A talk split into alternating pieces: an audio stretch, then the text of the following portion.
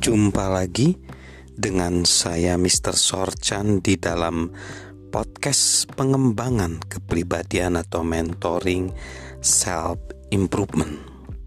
Saat ini kita belajar tentang transisi menuju pertumbuhan yang sengaja, yang disengaja atau intensif.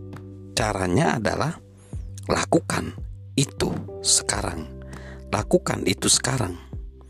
Pada tahun 1974, John menghadiri suatu seminar di University of Dayton di mana W. Clement Stone berbicara mengenai topik memiliki kesan darurat.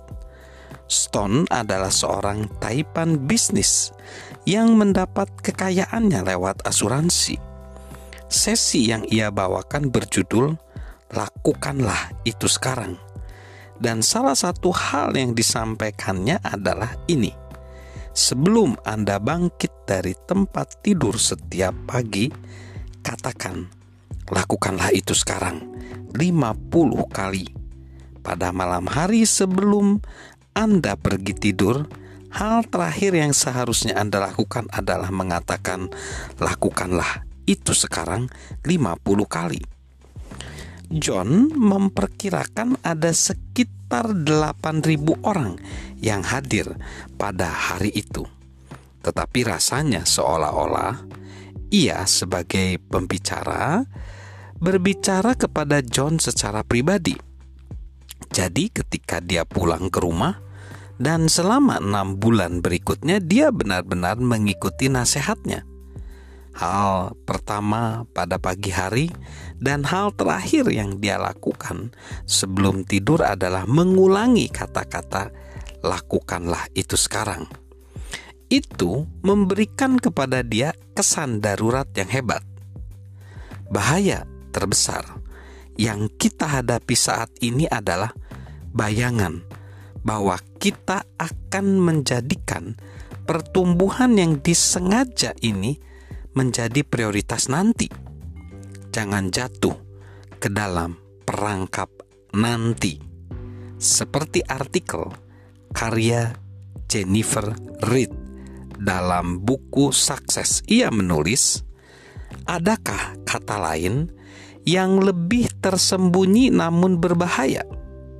Nanti, seperti dalam "Aku akan mengerjakannya nanti."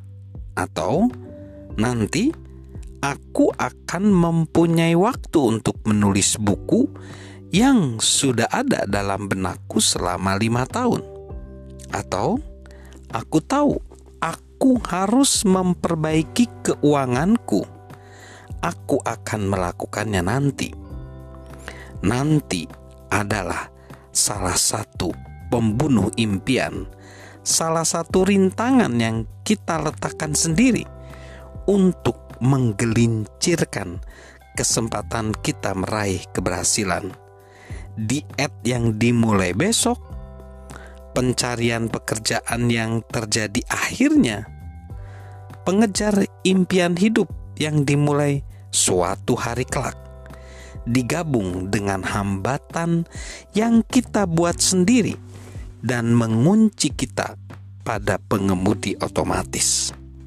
Lalu, mengapa kita melakukan ini pada diri sendiri? Mengapa kita tidak mengambil tindakan sekarang? Marilah kita menghadapinya. Yang sudah kita kenal memang lebih mudah. Jalan yang belum dipetakan dikelilingi oleh ketidakpastian. Marilah kita mengambil langkah, pilihlah sumber daya yang membantu kita bertumbuh, dan mulailah belajar dari situ hari ini. Salam bertumbuh secara pribadi, salam sukses luar biasa dari saya, Mr. Sorchan.